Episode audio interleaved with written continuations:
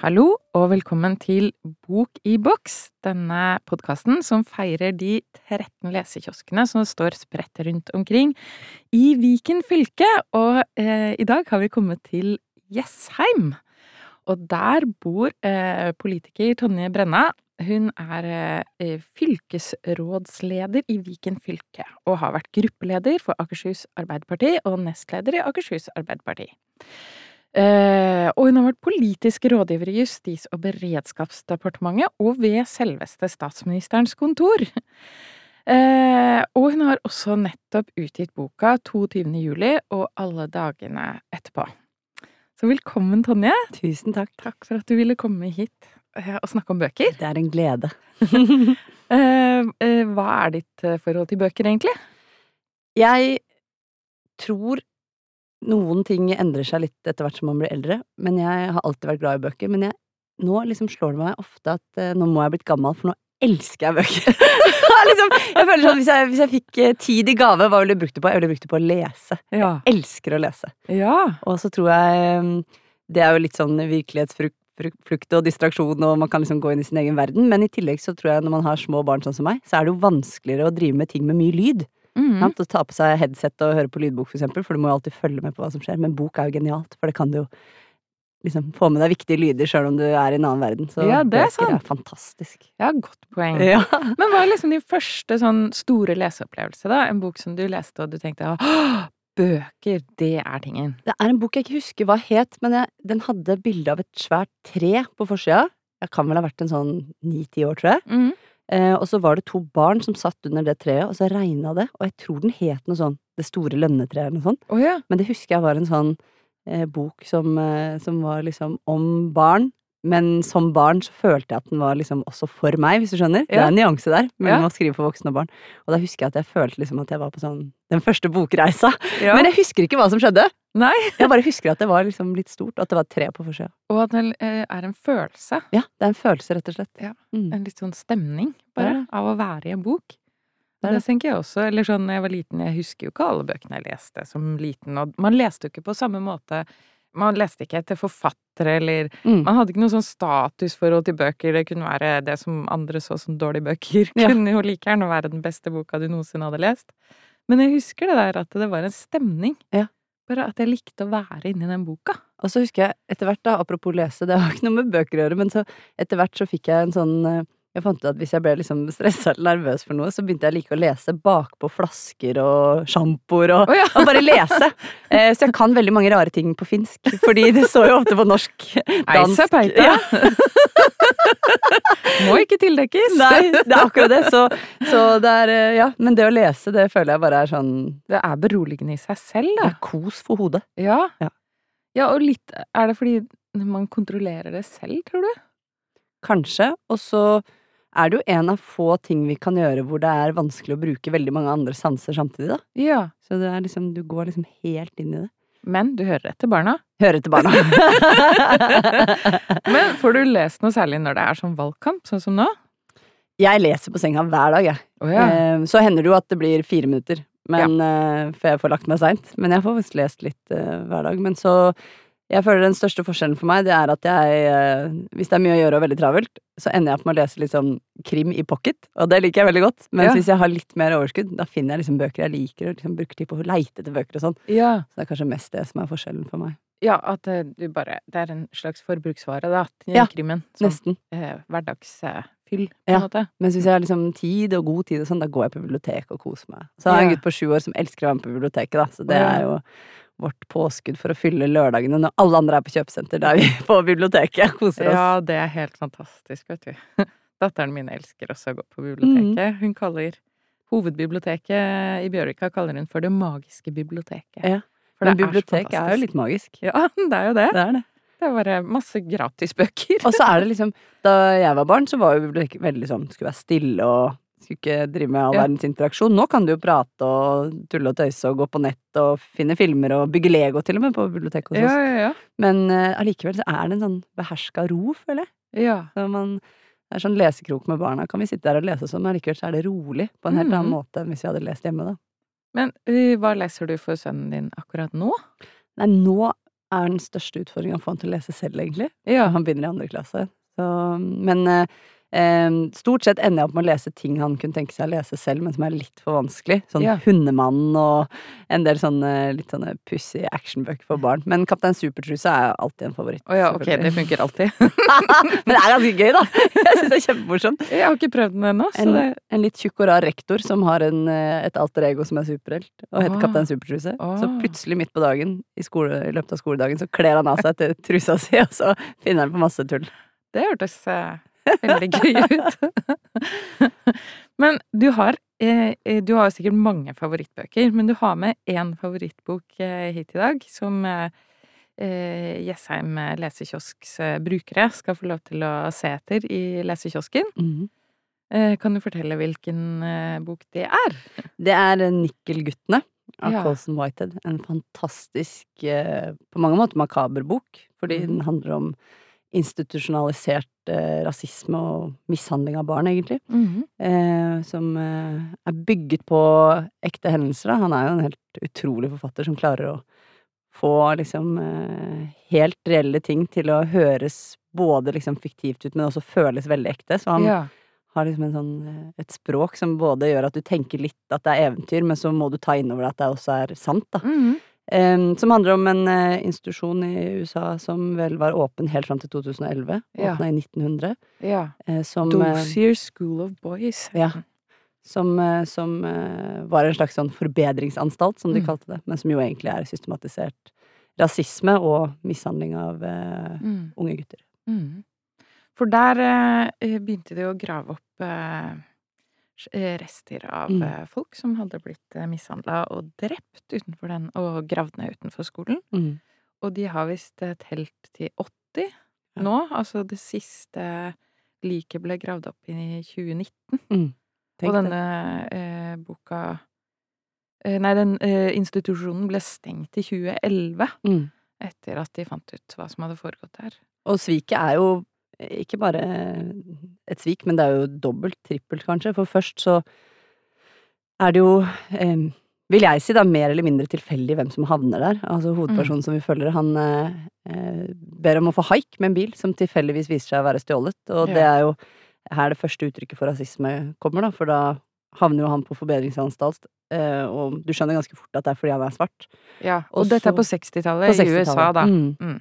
Og så så det ene er liksom Det en- første sviket er jo hvor tilfeldig det er. Altså, det er jo Mm. ikke sånn at man har et reflektert forhold til at noen skal faktisk inn og forbedres på noen måte på denne forbedringsanstalten. Det er helt vilkårlig. De skal stues vekk. De skal stues vekk. Og så er det jo systematisk eh, bruk av vold og mm, krenkelser, seksuelle overgrep over år. Det er jo en veldig tydelig sånn segregering av hvite og svarte der inne, Mm. hvor de svarte får eh, utrolig røff atferd. Og de jo også oppdras til å være rasister, da, de hvite barna. Mm. Og så i tillegg at de ikke eh, slippes fri eller tilbakeføres til verden. Mange av de blir drept og skada for livet. Og så, mange år etter, så er de fortsatt ikke gjort rede for. Så det er jo Mm. bare svik fra en til annen, Mm. fra storsamfunnet, som tillater at dette skjer, da. Mm.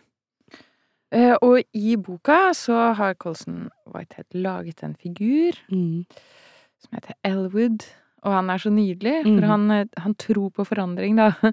Han hører på platene til Martin Luther King eh, og, og, og, tror at nå kommer det til å skje. Nå Mm. kommer eh, dørene til å åpne seg for han, da, hvis Mm. han bare jobber hardt nok.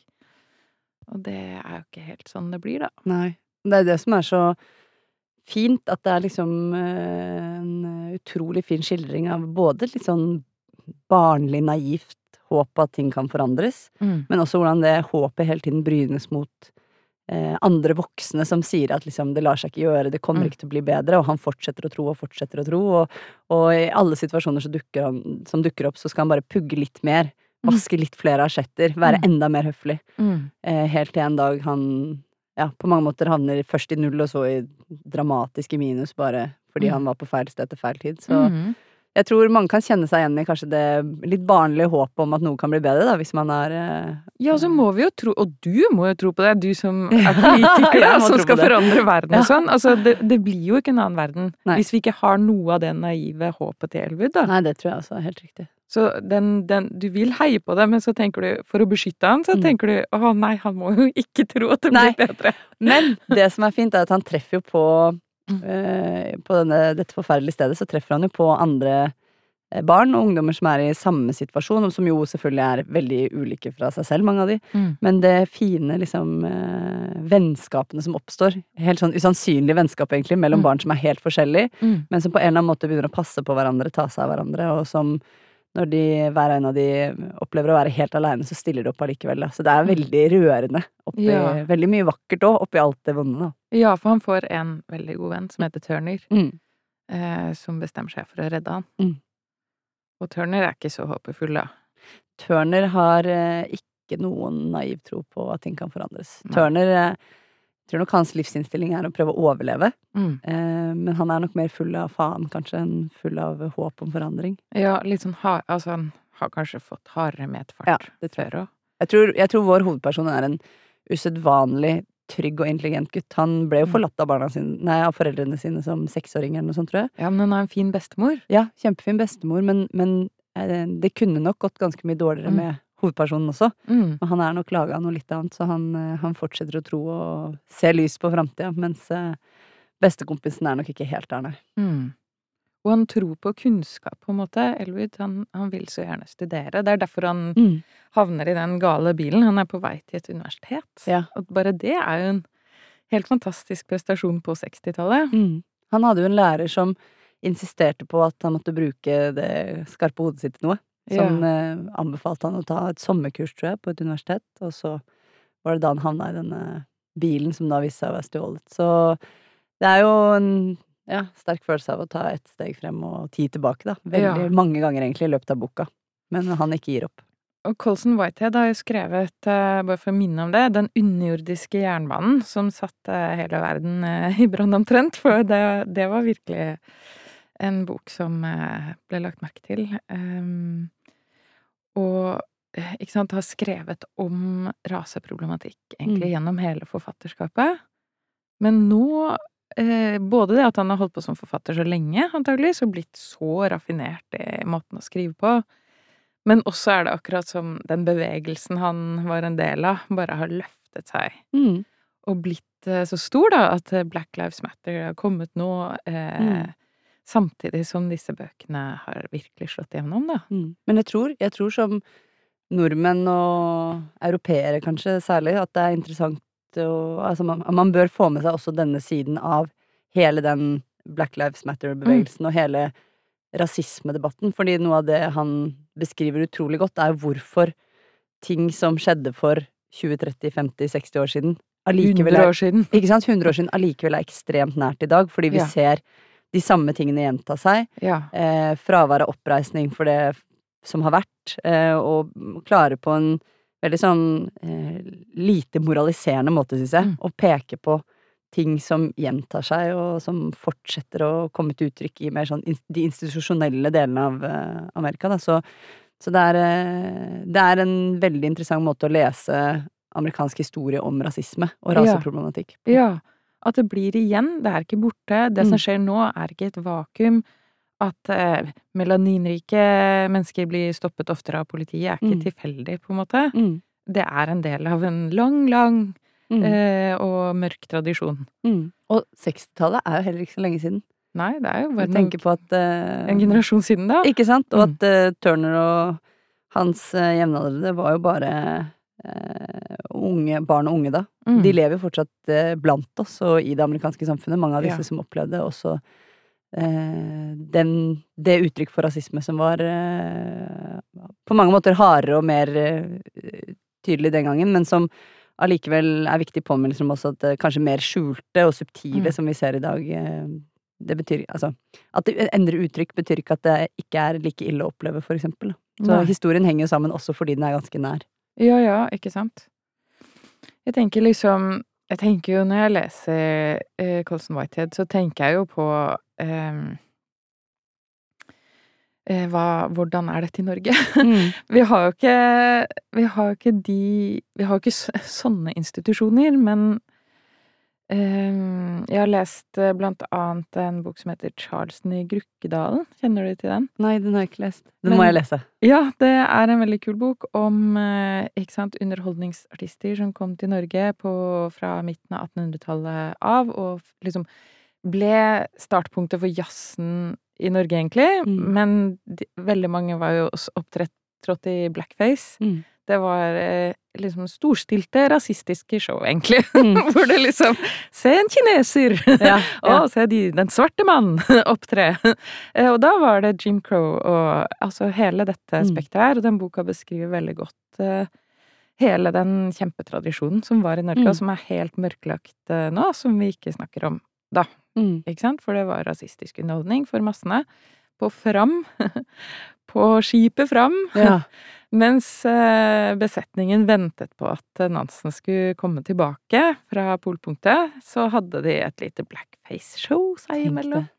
Så koselig. Helt Men da, og de tenkte jo ikke på det som rasisme engang. Det var ikke Det var bare det gøyeste de kunne komme på å gjøre, da.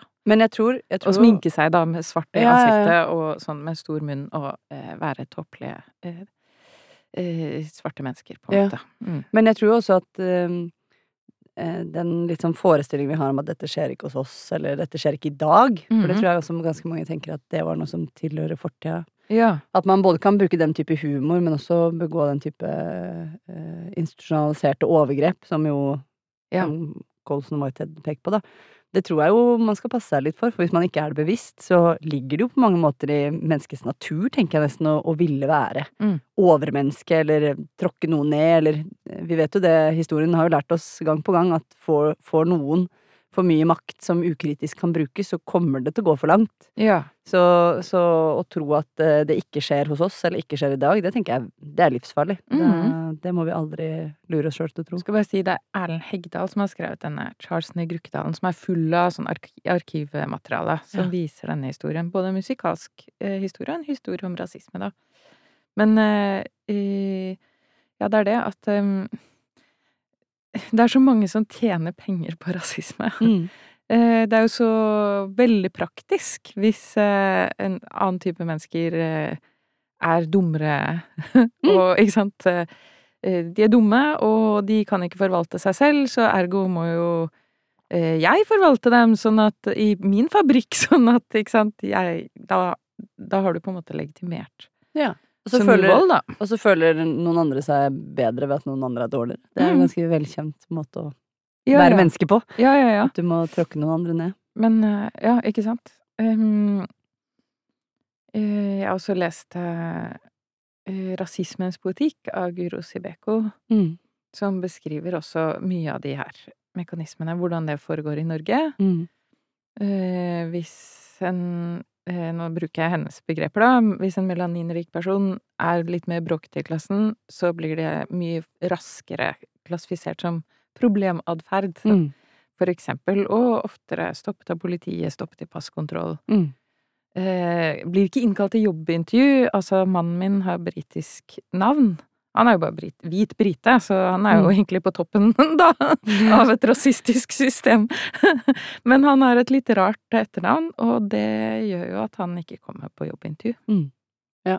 Og, og eh, jeg tror eh, alle vi som ikke opplever den type utestengelse eller begrensninger på hva vi har adgang til, som Mm. jo den type forskjellsbehandling er, Mm. vi skal i hvert fall passe oss for å si at dette ikke er et problem. Og jeg hører veldig mange si det, at eh, vi har ikke noe særlig rasisme i Norge. Og det tenker jeg, det Ja.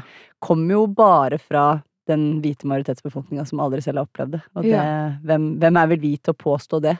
Mm. Både fordi hvis vi åpner øynene, så ser vi det, men også når vi hører fra de som utrettes, utsettes for det, at det finner sted, Mm. så, så har jo vi et ansvar for å motvirke det og være bevisst på det, da.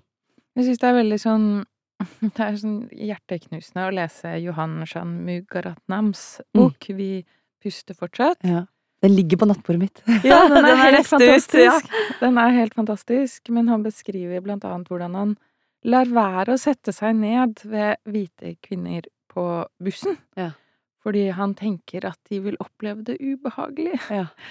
Og det gjør meg så trist, Ja. fordi sant, det viser hvordan eh, rasismen skaper sånne bevegelser bort fra hverandre, da. Hvordan vi dyttes fra hverandre av rasismen. Så han trekker seg unna Mm. folk, bare for å ikke plage dem, liksom. Mm. Og da ville ting forsterke seg, tror jeg.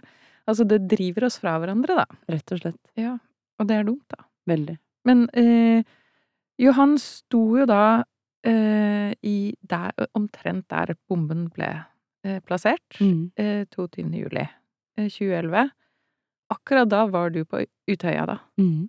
Og han skriver sin bok fra det perspektivet. At han gikk noen hundre meter ned til Jungstorget, Mm. og på den måten kom han unna bomben.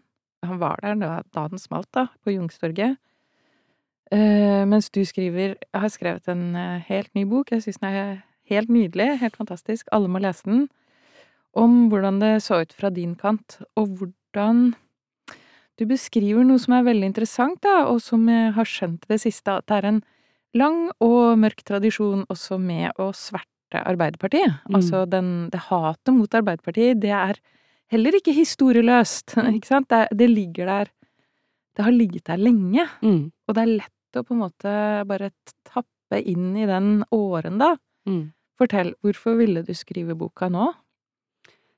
Ti år er jo en stund når man er eh, så gammel som meg. Jeg er bare 33, så det er jo eh, nesten en tredjedel av livet mitt. Så det er jo lenge på den måten, men det er samtidig kort nok til at jeg husker alt fortsatt. Mm. Men at jeg har erfart noen ting og opplevd noen ting siden. At jeg kanskje kunne si noe mer om hva 22. juli har betydd i livet mitt, ikke bare kronologisk hva som skjedde den dagen.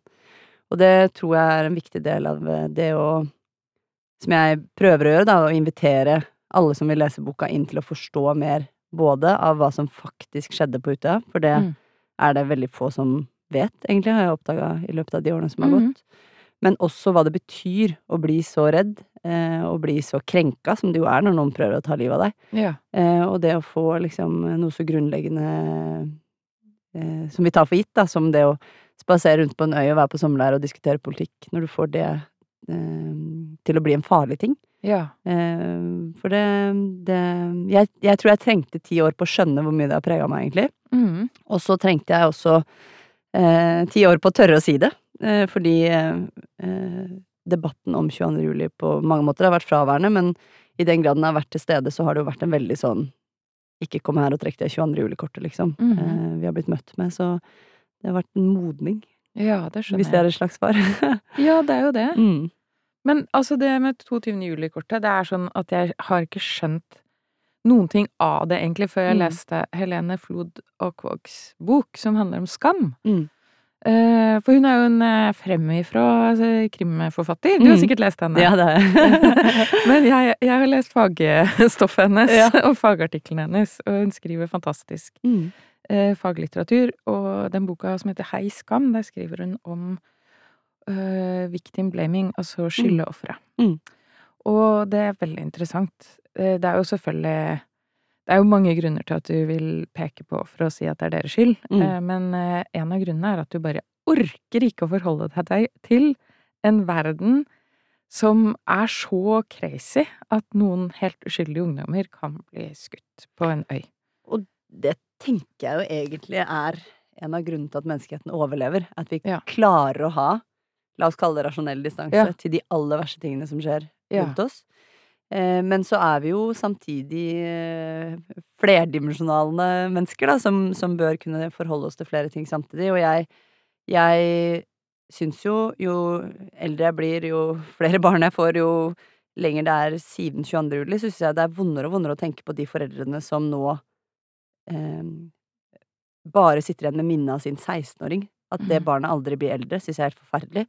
Men så tenker jeg samtidig at det eh, verste jeg kan gjøre, eller det verste vi kan gjøre, er å late som at den 16-åringen aldri var. For det er jo det vi gjør hvis vi sier at vi ikke snakker om det, eller ikke Mm. orker å forholde oss til det. Mm. Og når de, eh, mammaen og pappaen, har klart å gå på jobb og eh, leve gode liv, da, Mm. eh, som best de har kunnet med den, den situasjonen de har vært i, eller når eh, ja, barn og ungdommer har eh, måttet amputere armer og bein og fått ødelagt eh, hele tarmsystemet fordi de er skutt i magen, så tenker jeg hvem er vel noen av oss andre til å si at det orker vi ikke forholde oss til?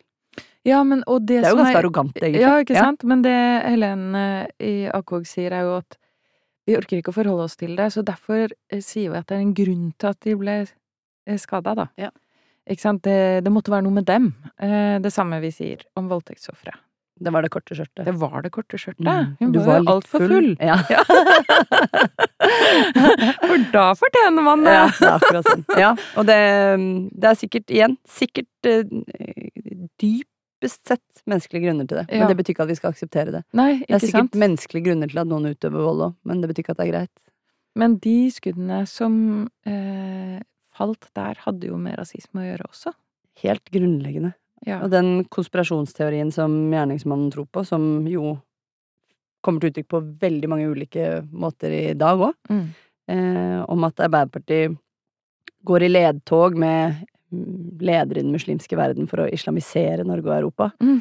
Den er jo både en avart av den samme konspirasjonen som fantes på 30-40-tallet, som NS Den er så eh, gammel, altså. Ja, den er nok eldre enn Ja. det òg, fordi på 30-tallet så sa jo NS at at eh, Norge Nei, unnskyld, Arbeiderpartiet eh, jobba sammen med jøder og kommunister i andre land Ja. for å underlegge seg Norge og gjøre Norge jødisk. Og da regjeringen eh, dro i eksil under krigen, så fikk jo denne konspirasjonsteorien enda flere bein å gå på, Mm. for da var da konspirasjonen at først at man jobba sammen med jødene og kommunistene for å underlegge seg Norge. Arbeiderpartiet svikta nordmenn og eh, reiste selv for å eh, redde seg selv for å Mm. forberede liksom denne overtakelsen, da. ja. Eh, og at man da systematisk hadde bygd ned forsvar av landet over mange år, fordi man hadde jo styrt landet i mange år, Mm. og dermed at jødene og kommunistene kunne overta. Så eh, det er jo Konspirasjonsteoriene Anders Behring Breivik tror på, er jo de samme som Nasjonal Samling spredte Mm. mange, mange tiår før, Mm. bare at den endrer uttrykk avhengig av hvem vi nå ser som samfunnsfienden. Og Ja, den ja. gangen var det Først var det kommunistene, og så var det jødene. Nå er det muslimene. Ja, nå, og nå er den liksom spika opp med en internasjonal Ja. eh, konspirasjonsteori om Eurabia, Nettopp. som er eh, Ja, det er den eh, teorien han trodde på, da. Men helt fundamentalt er jo, som du sier, rasismen. Og eh, hvis man ikke har et menneskesyn som gjør forskjell på folk, Mm. så kan man jo ikke være terrorist. Nei. For det grunnleggende for en terrorist er jo at jeg mener jeg har rett til å bestemme hvem som skal leve og dø. Mm. Og det betyr jo ikke at Noen alle mennesker er bedre enn andre. Ikke sant? Mm. Og det betyr jo ikke at eh, alle terrorister er rasister, men alle de konspirasjonsteoriene som fører til den type handlinger, Mm. eh, og særlig de høyreekstreme, har jo et sterkt element av både rasisme, kvinnehat, Mm. forakt mot likestilling, forakt mot elite, makt, myndigheter, ikke sant. Mm. Og der er klart, da blir Arbeiderpartiet dobbeltramma, både som et eh, parti som har hatt makt over lang tid og Mm. bestemt mye, som har leda landet i en periode hvor vi har hatt innvandring, for eksempel, så det er jo masse å ta av hvis du har lyst til næring Ja, ja, og opptatt av mangfold og li Ja. eh, likestilling og Ja. alt det der. Og så eh, Så Ja. Men det, det må jeg si eh, Denne sommeren føler jeg i hvert fall har bidratt til at vi har fått de konspirasjonsteoriene litt mer ut i lyset. Fram i Mm. lyset, og at det er Mm. lov å si noe. Fordi jeg og mange med meg har nok følt at sånne små, tilforlatelige resonnementer Mm. eh, om at eh, vi er quislingungdommer, eller eh, at vi, ja, vi blir omtalt og tiltalt på forskjellige måter, Mm. det kan høres ut som liksom løsrevne påstander. Ja. Men vi vet, og jeg vet, at det er en del av et systematisk måte å beskrive oss på. ja. Eh, så når vi blir kalt for ja, landssvikere, Mm. så er ikke det et tilfeldige skjellsord. Du kunne ikke sagt jævel isteden. Det er, stammer tilbake til de første konspirasjonene. Og det ironiske med den første konspirasjonen er jo at eh, jødene ble jo så massivt forfulgt i hele den sovjetiske nasjonen. De ble jo utsatt for voldsomme progromer. Ja. Så det var jo ikke som om de hadde At det var en gøy konspirasjon som foregikk der. Men jeg føler nå at det som er bra med å leve i 2021, det er at vi kan veldig effektivt avsløre at det grunnleggende i konspirasjonsteori er jo fravær av faktisk historiekunnskap og vitenskap og eh, Mm. faktiske ting, da, så vi kan i hvert fall være flinkere til å peke på både de, det hatpratet og konspirasjonspratet som ligger i grenseland, for eksempel hvis man kaller noen landssviker, Ja. eller eh, quisling, eller hva det måtte være, men også de historiske, faktiske feil. Og så Ja. tror jeg at de som er veldig overbevist av konspirasjonsteorier, de kan jeg kanskje ikke påvirke med å argumentere mot det, men jeg kan i hvert fall vise fram for alle de som er i tvil og følger en diskusjon, at, at det fins en annen måte å se verden på, da. ja. Det er et problem, da. Altså, internettet er fullt av Mm. eh, alternative fortellinger som eh, ikke sant, har, har ikke noe faktabasis, og folk kan velge å tro på de, da. Mm. Det er eh, eh, Philip Manshaus eh, beskrev vel eh, internettet som en supermotorvei inn i radikaliseringen, uten Mm. at han eh, spesifiserte det noe nøyere Mm. i et intervju nettopp. Men eh, dette bringer oss eh, videre inn i den neste boka du har lyst til å lese. Ja. Eh, Strømmen sin eh, helt nye bok, Giftpillen. Mm. Eh, fortell hvorfor eh, vil du lese den? Kan du si litt hva du forventer å, å finne svar på? Så Øyvind Strømmen har en helt unik evne til å sette ting i sammenheng. Mm. Eh, plukke fra hverandre om det er begrep man bruker på nettet, eller eh, statistikk eller historiske hendelser, og vise fram eh, og avkle konspirasjonene. Mm. Um, så det er vel egentlig um, jeg, har, jeg har eh, de aller fleste bøkene hans i hylla hjemme, så jeg, jeg syns det er kjempeinteressant å lese det han skriver. Men, men han eh, skriver jo interessant på to måter. Det ene er at du kan fordype deg i det og gå inn i det. Det andre er, og det har jeg oppdaga veldig med den, eh, særlig den som heter Den sorte tråden, mm. at du kan At jeg slår opp i den når jeg får en sånn uggen følelse av at noe er liksom konspirasjonsprat, hatprat. Ja. Du vet selv hvis du følger en nettdebatt, for eksempel, Ja. og så merker du at liksom her bruker man ord og uttrykk og referanser som du bare Det er noe muffins. ja. Eh, og du føler liksom at eh, det er jo ikke bare Det er ikke tilfeldig at noen sier båre på gullstol, for eksempel, eller ja, Du får den der følelsen av at å, her var det et begrep Her er et begrep som går igjen. Ja, Dette og det er lada med noe som jeg ikke nødvendigvis forstår umiddelbart. Ja, ja. Det er et signal til noen andre folk. Nettopp! Mm. Og der er Øyvind Strømmen genial. Så Ja. bøkene hans kan også brukes som litt sånn oppslagsverk hvis du føler at det er noe Ja, for da beskriver han hvordan disse ordene kobler seg på Ja. større teorier, da. Ja. Mm. Så eh, jeg gleder meg veldig til å lese den boka. Jeg har den på klikk og hent, så jeg skal gå og hente på bokhandelen i dag, faktisk. Ja. Så det gleder jeg meg veldig til. Så, men jeg, jeg tror noe av det eh, han og en del andre veldig dyktige forfattere gjør, da, og, og som stadig flere gjør egentlig i Norge, føler jeg, det å plukke Eller å sette ting i kontekst, vise fram hvordan eh, historiske hendelser, konspirasjonsteorier, atferd, overbevisninger henger sammen. ja. Det, det tror jeg er veldig viktig, en veldig viktig del av det å opplyse oss og oppdra oss til å kunne avsløre konspirasjonsteorier. Og Ja. det er jo en eh, enormt viktig oppgave vi har i felles. Ja, for problemet med eh, konspirasjonsteorier er at idet du tror på den, Mm. så vil alle som sier mot teorien, vil være et bevis på at teorien er enda mer sann.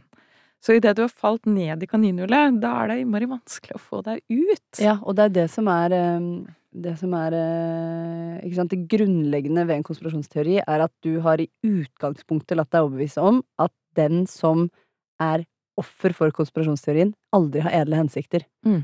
Eh, Så det betyr jo at uansett hva du svarer ut ifra en påstand om at du er en del av min konspirasjonsteori, Ja. så vil du bare forsterke min overbevisning om at du er akkurat Ja. så ond som jeg trodde. Ja, Mm. jo mer du benekter det, jo verre er det egentlig. Så det er verdens største hersketeknikk. Ja, og forferdelig vanskelig å komme ut av. Jeg leste et innlegg på Aftenposten. Det var en datter som skrev om mora si. Mm. Moren hadde begynt å tro på alle mulige konspirasjoner. Ja.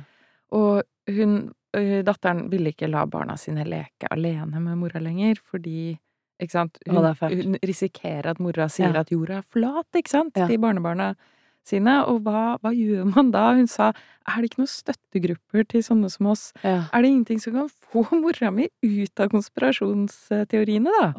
Det, er det er jo nesten som man tenker at det må være noe eh, Ja, en slags eh, Hva heter det? Detox for Ja. folk som tror på Men jeg- konspirasjoner. Men akkurat det der er jo litt interessant, fordi at noe av det Noe av det det siste, de siste månedene, og det kom vel eh, også nå nylig en ny sånn forskningsrapport fra Universitetet i Bergen, hvor man har Mm. forska på nordmenns syn på 22. juli. Mm. Der er vi litt delt i synet, men, men noe av det på hva det var, og hva vi egentlig ble utsatt for, og hvorfor det skjedde, Mm. og det er mange forskjellige narrativer, da. Men en av de tingene som skiller oss, er om vi tror det var bare psykiatri, eller om vi tror det var politikk. Mm. Og en av de tingene man faktisk reelt var uenig om i rettssaken, var jo om det bare var psykiatri, eller om det Mm. var politikk. Og når man driver med sånne Jeg er ikke rettspsykiater, så dette kan jeg ikke under huden, men jeg har nå fulgt med, og jeg var til stede i rettssaken sånn, og en av de tingene man gjør da, er jo at man følger et sånn kart, ikke sant, så hvis du er hvis, hvis du har dette symptomet, eller tror på det, så følger du en pil dit, Mm. og så dit. Og der kan nok det ene rettspsykiatriske paret som vurderte Breivik, ha gått feil. Ja. Rett og slett fordi man trodde at en konspirasjonsteori var en vrangforestilling. ja. Og det er jo litt interessant hvordan vi bare for ti år siden kunne tenke at konspirasjonsteorier At det var diagnostisk. Nettopp! Det er ganske Men det er det ikke. Nei, nei og, og jeg tror kanskje at hvis noen hadde Hvis et vanlig oppegående menneske hadde sagt til meg nå, sett meg dypt inn i øynene og sagt at jorda er flat og vaksiner er farlig, så tror jeg kanskje jeg ville gått veien om Er det helt i orden med deg i hodet ditt nå? Ja, det må det man jo- nesten tenke litt på. Ja. Men, eh, men det er ikke så uvanlig heller. Nei, og det er nettopp det som Det viser jo også det samme med at jeg Dette menneskelige med at jeg vil ikke forholde meg til en verden som er så fæl. Ja. At jeg nesten går til psykiatrien fordi jeg har ikke lyst til å tro at du tror det. Ja. Så det at det burde finnes støttegrupper og detox, det er jeg helt enig i. Ja, bare for å mm, Altså, Arnfinn Pettersen har hatt et sånt opplegg hvor han har reist rundt på skoler og lært bort eh, konspirasjonsteorier til videregående skoleelever. Og for, for at de skal skjønne hvor lett det er å lage dem, og hva som ligger i den andre enden av en konspirasjonsteori. Mm. For der ligger det jo mord, ikke sant? Mm. Og ofte folkemord og grupper som skal tas. Mm. Og det tenker jeg er sånn veldig lurt, så jeg driver og lærer bort det, jeg også. Jeg lærer bort eh, til eh, Jeg underviser i kreativitet, og Mm. der lærer jeg bort eh, hvordan lage en konspirasjonsteori. Det er jo fantastisk. Både av politiske grunner, men også fordi det er ekstremt kreativt. Det er jo en veldig bra kreativ øvelse å lage en konspirasjonsteori, og når du har laget den, så skjønner du hvordan det foregår. Men kan vi ikke lage noen skikkelig gode? jo! Liksom en helt egen konspirasjon om at hvis du lar de som er på trikken gå av før du går på, så kommer du til et bedre sted når du en dag forlater jorden eller noe sånt. Da var det fantastisk. Plutselig hadde vi sluppet hverandre av trikken, liksom. Ja, ja, men det kalles religion, da. Ja, det er sant. Ok, det var kanskje dumt å dø, en ond, men det må være en ond vilje Ja, bak, liksom. Det må være den onde viljen. jeg bør bør gå på ditt kurs, da, skjønner jeg. Ja. bare, for å, bare for å skjønne hvordan det foregår. For når Mm. du har gjort det en gang selv, da skjønner du hvor lett det er å lage det, og Ja. hvor, lett, hvor fristende det er å tro på det. Ja. Da ser du den fra innsiden, på en måte. Så jeg gleder meg også til å lese Giftbilen til Mm. Og bare få enda mer eh, liksom redskaper i det å gjennomskue konspirasjoner. Ja, for det føler jeg han er utrolig god på. Eh, For det er et eller annet med når det er veldig mange aktører da, som eh, har en ond hensikt, og som sammen klarer å holde planen hemmelig. Bare der, da, som tidligere journalist, så steiler det jo for meg. Ja. Det, jeg vet jo det, at det er jo ingen som klarer å holde noen ting hemmelig. Mm. Vi prøver og prøver, men det går ikke! Jeg har jo sittet og lest eh, dokumenter inn og ut av departementer, så det vet jeg at det skjer ikke. Men det er jo også interessant, tenker jeg, i lys av 22. juli, dette med eh, synet på eliten og makta. For det er jo noe av det som kanskje har gjort dette 22. juli-kortet ekstra virkningsfullt. Da. Det Mm. at eh, Arbeiderpartiet ses på som makta, ergo er AUF også makta. Og du Mm. kan ikke være makta og offer på samme tid. Nei. Så konspirasjonen er jo komplett ved at, Ja. at eh, ja, det er perfekt, Det er det perfekte plottet, egentlig. Ja, ja, ja. Fordi da eh, kan du jo ikke forsvare deg, fordi Ja. du er jo makta. Eh, Ja. Du kan ikke angripe noen eller anklage noen andre. Du må For bare internalisere hele skylden. Det er bare Ja. min skyld. Jeg må forvente såpass når jeg går hen og blir makta, liksom. Ja, nettopp. Så det er jo Ja. det som er eh, Det er derfor jeg tenker konspirasjonsteorier er i kjølvannet av 22. juli utrolig viktig å forstå, da. Mm. Og også av Philip Manshaus. Mm. Mm. Det er uh, veldig spennende det vi snakker om nå. Det er det. Vi må snart uh, slutte likevel. Ja. Jeg vil at alle skal gå på biblioteket, lese boka di, lese alt de kommer over om konspirasjoner. Mm. Øyvind Strømmen sin bok. Uh, og selvfølgelig må alle lese Colson Whitehead, som skriver så nydelig Ja. om så forferdelige ting. Eh, og da er det jo bare å komme seg til lesekiosken som ligger utenfor Ullensaker eh, rådhus på Jessheim. Mm. i Furusetgata, da, på Jessheim. Eller hvis man ikke finner det man trenger i lesekiosken, eh, så kan man gå på biblioteket og låne alt i hele verden der. Eh, Og det ligger i Kulturhuset på Jessheim. Eh, Sammen med kinoen så er biblioteket Kulturhusets faste tilbud, og det er masse arrangementer, og det er gratis internett, og de eh, har eh, i tillegg en eh, filial på Kløfta, som ligger i Bankgården. Og det er nyoppusset på Kløfta bibliotek, og det er alt mulig av lydbøker, aviser, tidsskrifter, DVD-er, utstillinger og kulturarrangementer på Ullensaker bibliotek. Så jeg vil anbefale alle å gå dit. Pleier du å gå dit? Jeg pleier å gå dit. Ja. Jeg, bor heldig, jeg er så heldig, for jeg bor rett i nærheten. Og faktisk ligger den lesekiosken ligger rett utafor døra til biblioteket. Oh, ja, Så jeg føler at det er en slags sånn innkastefunksjon. Hvis biblioteket var en pub, så er den lesekiosken innkasteren. Ja, men det er supert. Da håper jeg alle får med seg en god bok, og dyrker lesegleden. Akkurat som Tonje Brenna eh, har gjort sammen med meg i dag. Til Hilde Østby, jeg er forfatter og kritiker. Takk for at du hørte på.